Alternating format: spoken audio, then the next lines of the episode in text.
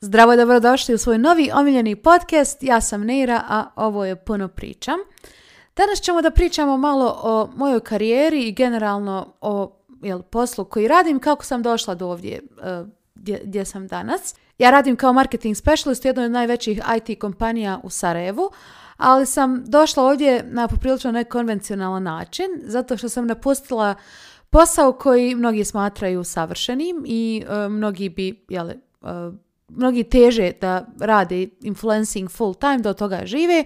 Ja sam to radila i napustila. Tako da e, mislim da za mnoge karijere postoje jele, priče kako su ljudi postali to, kako su došli dotli, ali za ove dvije karijere, pogotovo kada e, niste školovani za to, e, mislim da je malo teže naći i zbog toga u mojim pitalcama petkom me jako često pitate kako sam jel, došla do ove karijere, kako sam došla do toga gdje sam sada, nije mi bilo dovoljno ni jedan story za to, ni e, jedan reel, jedan TikTok, tako da danas ćemo da popričamo malo o karijeri. Htjela sam da krenem od fakulteta, ali mislim da treba krenuti od srednje škole.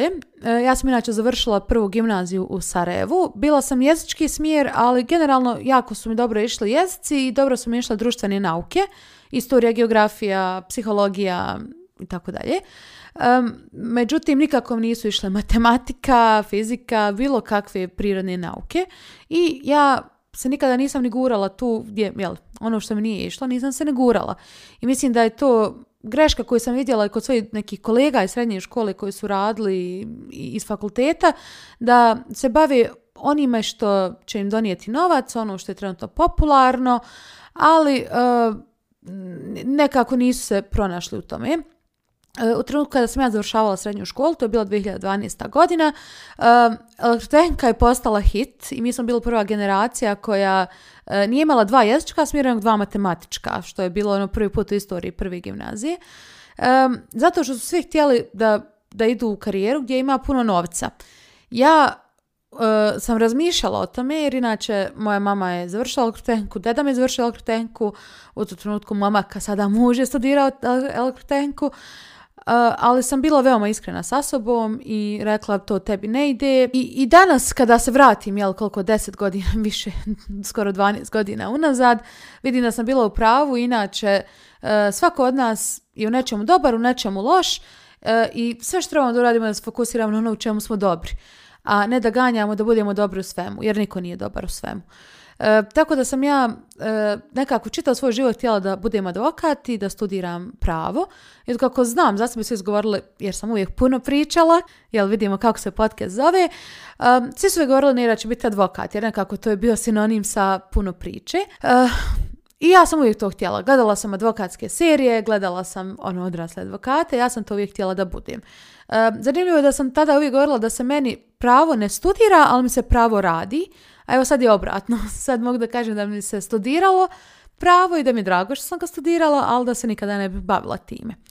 E, ja sam da još u srednjoj školi uvijek mislila da ću pisati pravo. Bilo je to nekih kratkih izleta kada mi se sviđao čitav filozofski fakultet, znači svaki smjer mi je bio super psihologija, sociologija, filozofija, istorija, jezici, ali nekako nisam se vidjela u tome da to radim, samo mi je bilo zanimljivo jer sam jako voljela te predmete u srednjoj školi, ali nekako pravo uvijek ostao moj prvi izbor.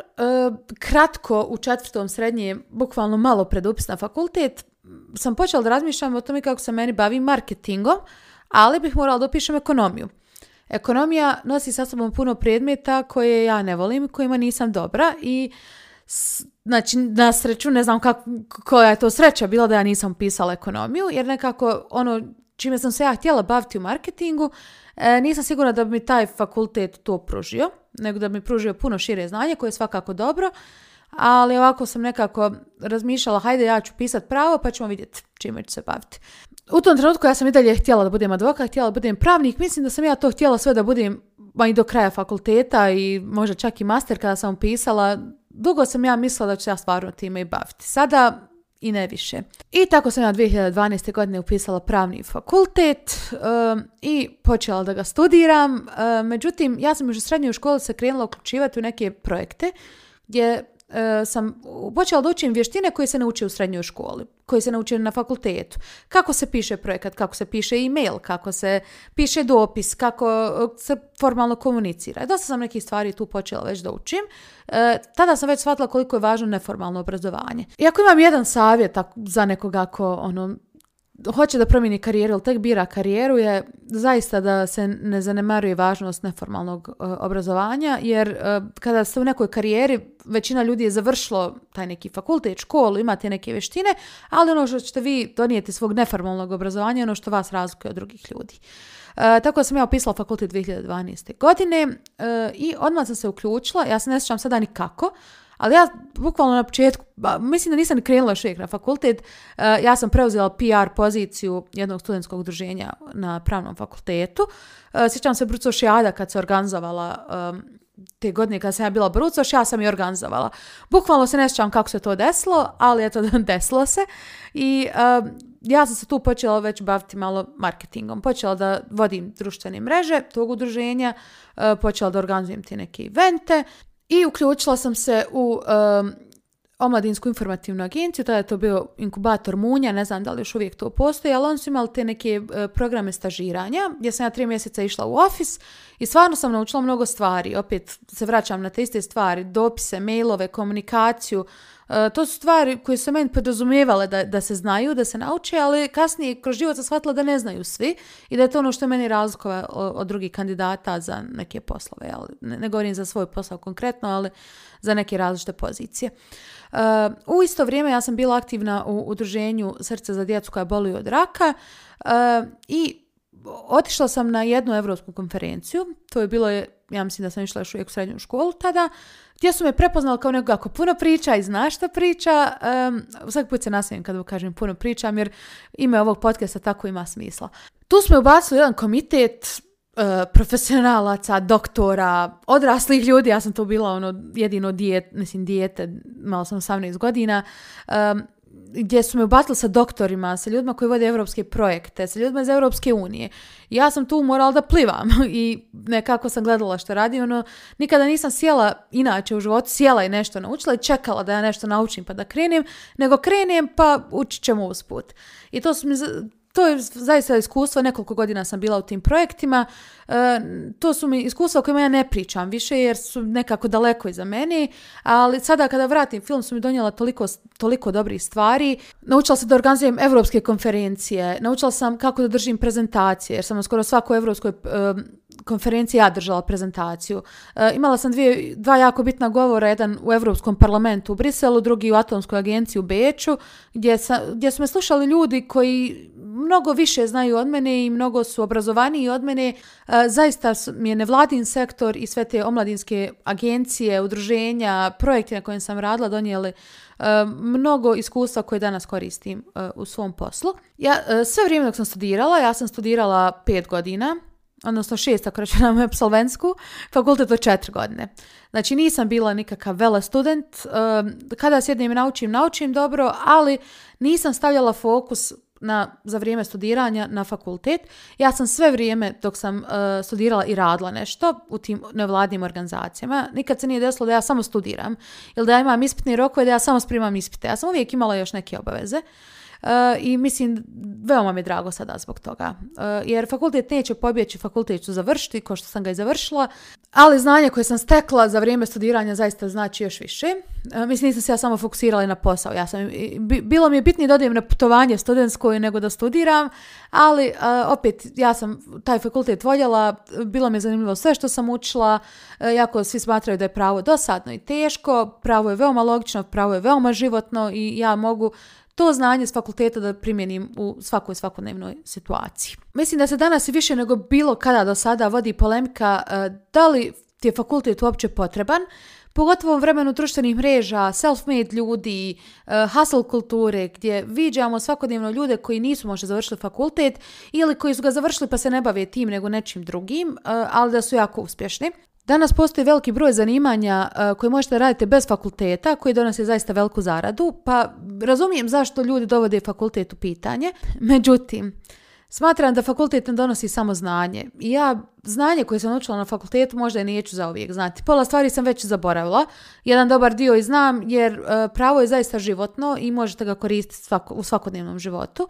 Međutim, ono što je meni fakultet donio eh, su mnoge druge životne stvari kada studirate pravo naučite da život nije fair, nego da gledate stvari objektivno. I veoma često se znalo dešavati predavanjima da rješavamo slučajeve, neko kaže to nije fair. Ja sam veoma rano naučila da sagledam stvari objektivno i to smatram jednom od svojih najvećih kvaliteta danas. Da razmišljam e, iz različitih tačaka gledišta, da se stavim u svačije cipele. Na kraju krajeva upoznala sam svoje dvije najbolje prijateljice na fakultetu. Stavim perspektivu kako svijet funkcioniše, kako sve što se dešava oko nas funkcioniše. Naučila sam kako da razmišljam, drugačije gledam svijet i definitivno ne bih bila osoba koja jesam da nisam završila pravni fakultet. E sada, pored tih svih organizacija, e, pored e, svih projekata koje sam radila, pored fakulteta, ja sam 2012. godine započela još nešto, a to je bio moj blog. Započela sam ga kao modni blog, to je bio sam začetak ono, modno modnih blogova, ono, sad je Zorana započela, kod nas još par ljudi je bilo u BiH. Ja sam tada započela modni blog, međutim nije imao da me slika, niti sam ja sad imala toliko odjeće da ja svaki dan nešto novo slikam, tako da sam onda Postala beauty blog, upala sam u jednu zajednicu beauty blogera, non stop sam objavljivala, slikala, krenula su tu prve saradnje, sjećam se e, prva saradnja kad je bila Avonija, kada sam dobila jednu paletu sa sjenama, da sam, ono, nisam mogla vjerujem ko je ko ja, ono, moj život, šta, šta se dešava. Međutim, veoma brzo mi pisanje nije bilo dovoljno, htjela sam i da pričam, tako da sam pokrenula YouTube kanal 2014. godine. 2014. od 2021. ste ispratili šta se sve izdešavalo. Tamo negdje već kada sam napunila koliko, 22 godine, ja mislim, e, već sam počela da zarađujem ponešto od youtube nije to bilo ništa značajno, nije ništa što je dolazilo svaki mjesec, nije ništa od čega sam mogla živjeti daleko od toga, nisam čak ni mogla kupiti sebi nešto konkretno. U tom trenutku sam daleko više novca dala na kamere, rasvijete, mikrofone, jer ja sam, baš mi bilo bitno ono, da, da ulažem u svoj YouTube kanal, tako da od toga što sam zaradila, definitivno se nisam proslavila ali uh, e, u sve te neke mini stvari koje sam ja radila za vrijeme fakulteta, vodila sam društvene mreže nekim brendovima, slikala, radila sam fotoshootinge kao profesionalne pod navodnicima, šminkala sam ljude, stvarno sam radila svašta nešto jer mi je bilo bitno da imam neki svoj novac e, koji se najviše trošila na putovanja. Sa 22 godine sam e, htjela da počnem da živim sa momkom, ali nisam mogla početi da živim sa momkom ako ne počnem da zarađujem jer meni nije dolazilo u obzir da se ja ocelim od svojih roditelja da oni neki džeparac. Tako da sam ja našla posao da predajem Japancima engleski, to mi pre, e, predložila jedna prijateljica koja je to isto radila i zaista neka tri mjeseca, to je meni ono super išlo, zarađivala sam neki pristojan novac, e, opet kažem ništa vele, ali eto Tibor je svakako radio, imao je platu, tako da je e, Trebalo mi je samo da imam i da ja nešto zarađujem. Meni je bilo veoma bitno da ja zarađujem, da meni niko ne izdržava, da ja imam nešto svoje. Ako ja sebi nešto još da kupim, da mogu da kupim.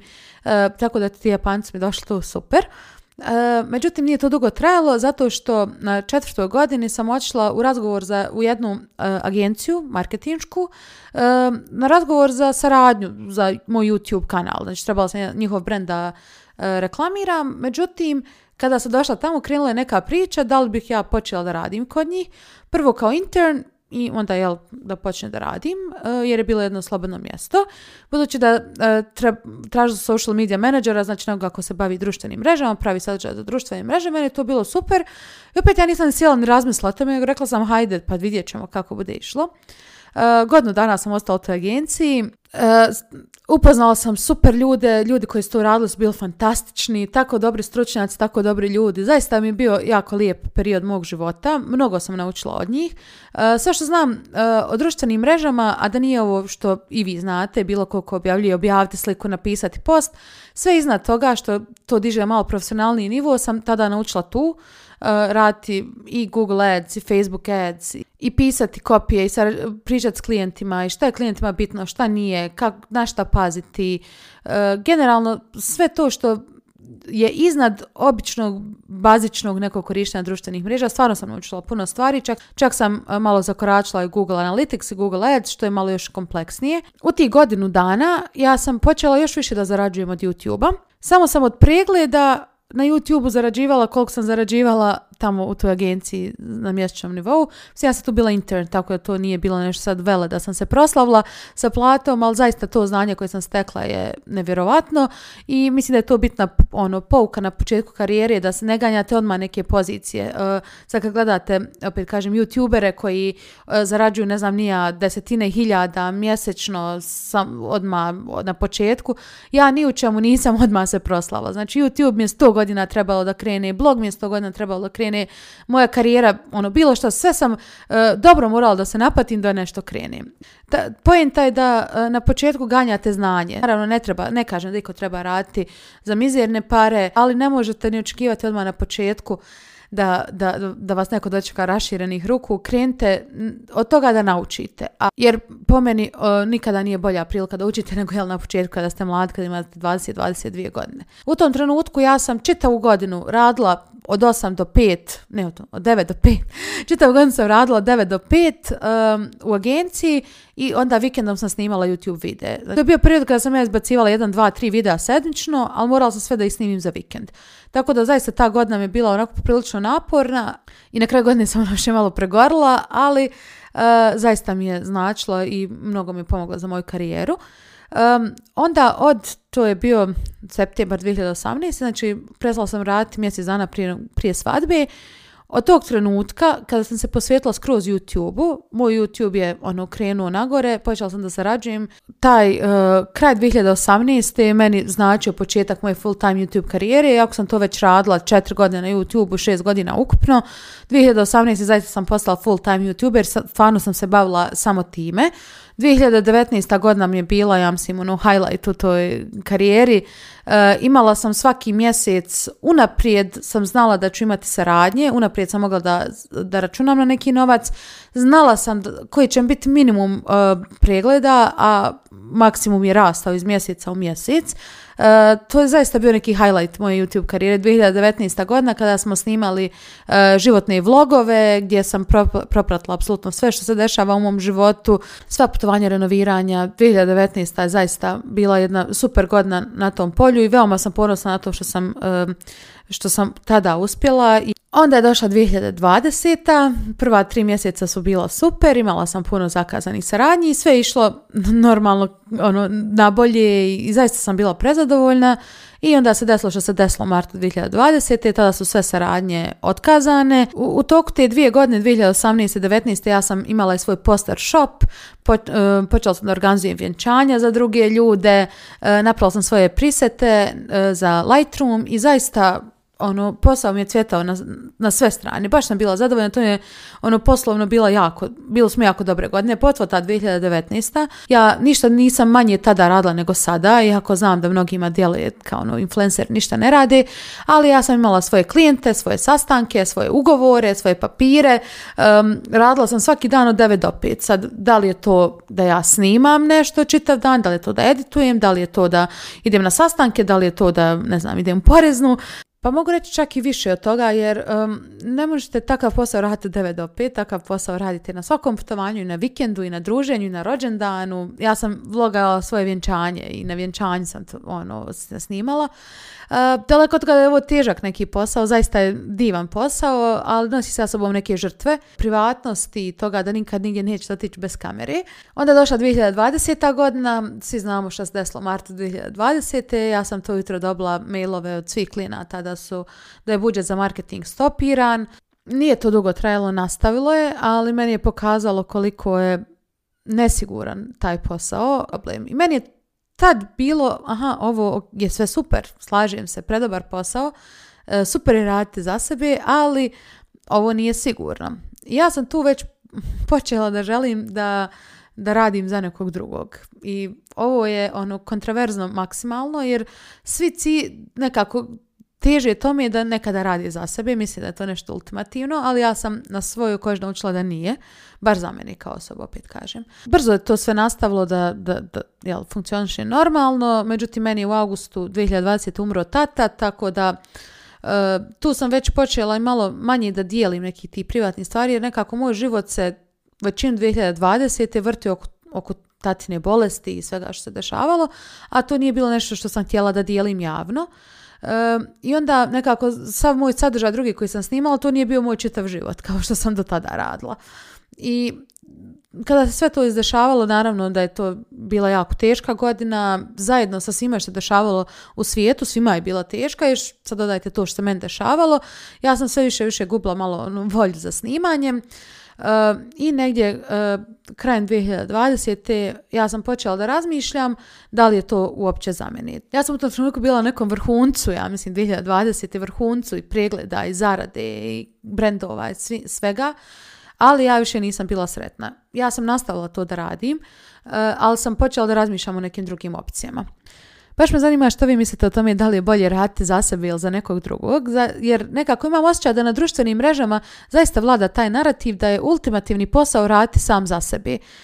Ali da li je, zavisi od toga kakva ste vi osoba i kakav vam je posao. Ali ja sam sada stanovništvo da više nikad ne želim da radim za sebe. Kažu, možeš raspolagati svojim vremenom možeš ti raspolagati svojim vremenom, ali 90% tvog vremena će biti tvoj posao. Ja sada u pet sati završavam s poslom, ne razmišljam više o poslu. A prije ja radim od 9 do 5, međutim ako se treba nešto snimat poslije, snimam poslije. E, eh, odgovaram na mailove i poslije 5. Možda i do mene što ja nisam sebi napravila tu, eh, to razgraničenje, ali meni je moj život bio jednako moj posao. Sada moj život nije više jednako moj posao. Možeš otići na goćni kad god poželiš. Ja sam mogla da odem u Beč kod mame ili da otputim kad god sam poželjela, ali sam uvijek nosila kameru sa smo, uvijek sam snimala. Tako da mislim da je rad za sebe mač sa dvije oštrice. E, zaista možete raspolagati svojim vremenom e, kako god želite, možete raditi kada želite, koliko želite, ali to se najčešće pretvori u rad non stop i pretvori vam e, vaš čitav posao u vaš život bez ikakvog razgraničenja i to je ono što se meni nikako više nije sviđalo. Kada na to još dodate i tu nesigurnost, e, kada dodate na to da se morate baviti birokratijom, da se morate baviti papirima, e, da što god da se desi sa poslom, vi, na vama je da riješite to, vi ste krivi, nemate nikoga ko, će moći doći riješiti vam taj problem ili vam pomoći da riješite taj problem. Jednostavno, ja sam e, tu odlučila da to više ne želim, ja želim da imam posao koji je 9 do 5, koji volim, veoma mi je bitno i dalje bilo da volim posao, da radim nešto što želim da radim, ali Eh, sam htjela da vikendom ne radim, htjela sam da i za pet ne radim i opet je ovaj posao koji sam ja našla mi neku, jel, daje neku fleksibilnost. Uh, početkom 2021. sam vidjela oglas eh, za svoj posao, za kompaniju koju sada radim i oglas je bukvalno bio sve ono što ja želim da radim, sve ono što ja radim već za sebe, ali da radim za nekog drugog. u kompaniji koje, za koju sam znala da ima ono, jako dobre uslove rada jer je ono, poznata je kompanija. Prijavila sam se, i nisam... I nekako ja sam sve vrijeme bila, ono, nema veze da ne uspijem, ja imam ovaj svoj YouTube, ja to i dalje volim i dalje mogu raditi. Sam, eto, ono, ako ovo bude, super. Onda sam dobila prvi poziv, drugi poziv, uglavnom išao je ovaj taj četav intervju proces i dobila sam posao. E, u tom trenutku bilo je, e, ono, sve sa vakcinama u Beogradu, šta znam, ja sam objavila e, vlog sa vakcina i tu je E, nikad nisam dobila gore komentare, u tom trenutku ja sam već svakako bila ono malo, nije, nije se dijelilo više ništa, jer nekako što god da podijelim, to se krene razvlačiti po komentarima i po Twitteru. Još da se razumijemo, ja sam većinom imala dobre komentare. I ja nemam ništa protiv kritike, čak što još ja stvarno volim kritiku. Ali kada neko krene vaš privatni život da razvlači i da se ono osjeća pozvan, a logično se osjeća pozvan dokumentarše kada ste mu vi dali tu priliku. Ja to ono više nisam htjela da radim. Tako da kada sam dobila posao, meni je bilo jasno da se ja sada moram fokusirati na taj posao. Nisam odlučila nikada da, ono, da, da skroz ukinem društvene mreže. E, objavila sam da sam dobila posao, da će mi sada YouTube ono, da ću puno rijeđe objavljivati, da neću skroz nestati, kao što nisam odmah.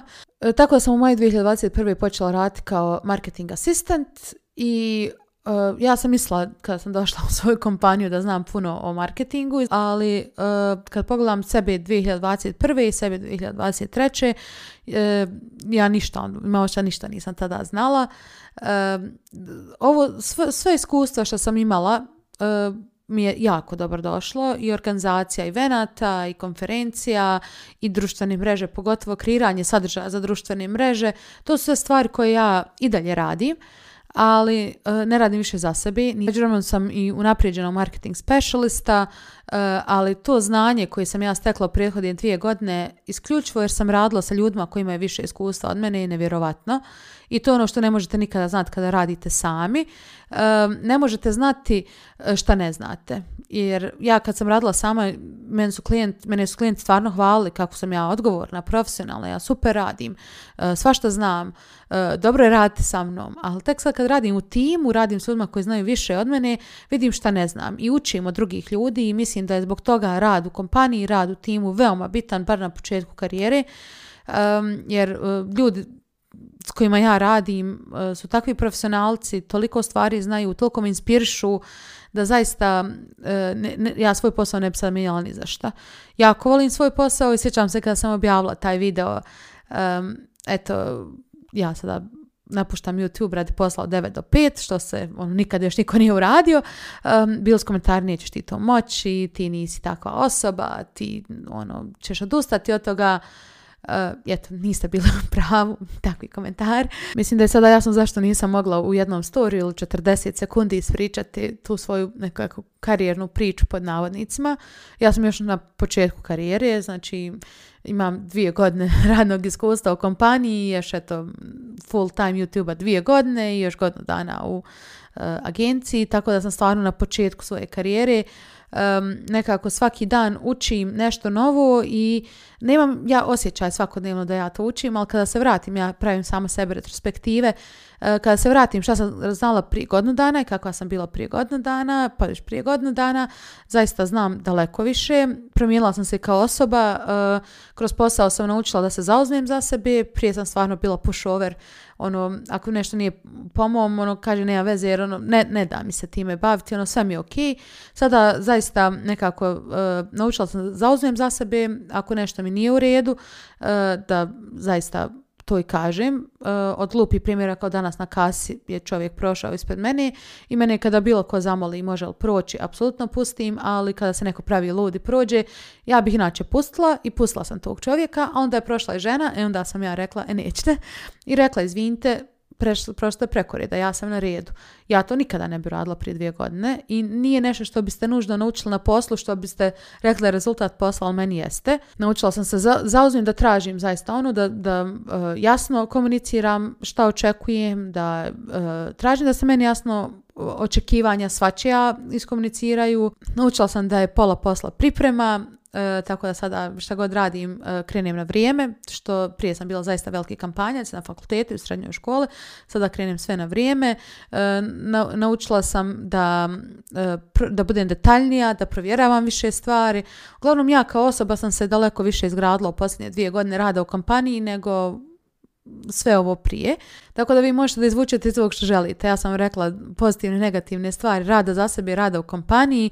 Naravno sve se radi o mom ličnom iskustvu, nije svaka kompanija svak, i, i, svaki rad za sebe isti, ali ovo je neko moje iskustvo. Ne mogu reći da je neko konvencionalno iskustvo, da sam ja završila fakultet i odmah počela da radim u kompaniji eh, i da se penjem kroz jednu kompaniju, nego zaista sam imala raznih iskustava, isprobala sam razne biznise, isprobala sam razne branše, branše.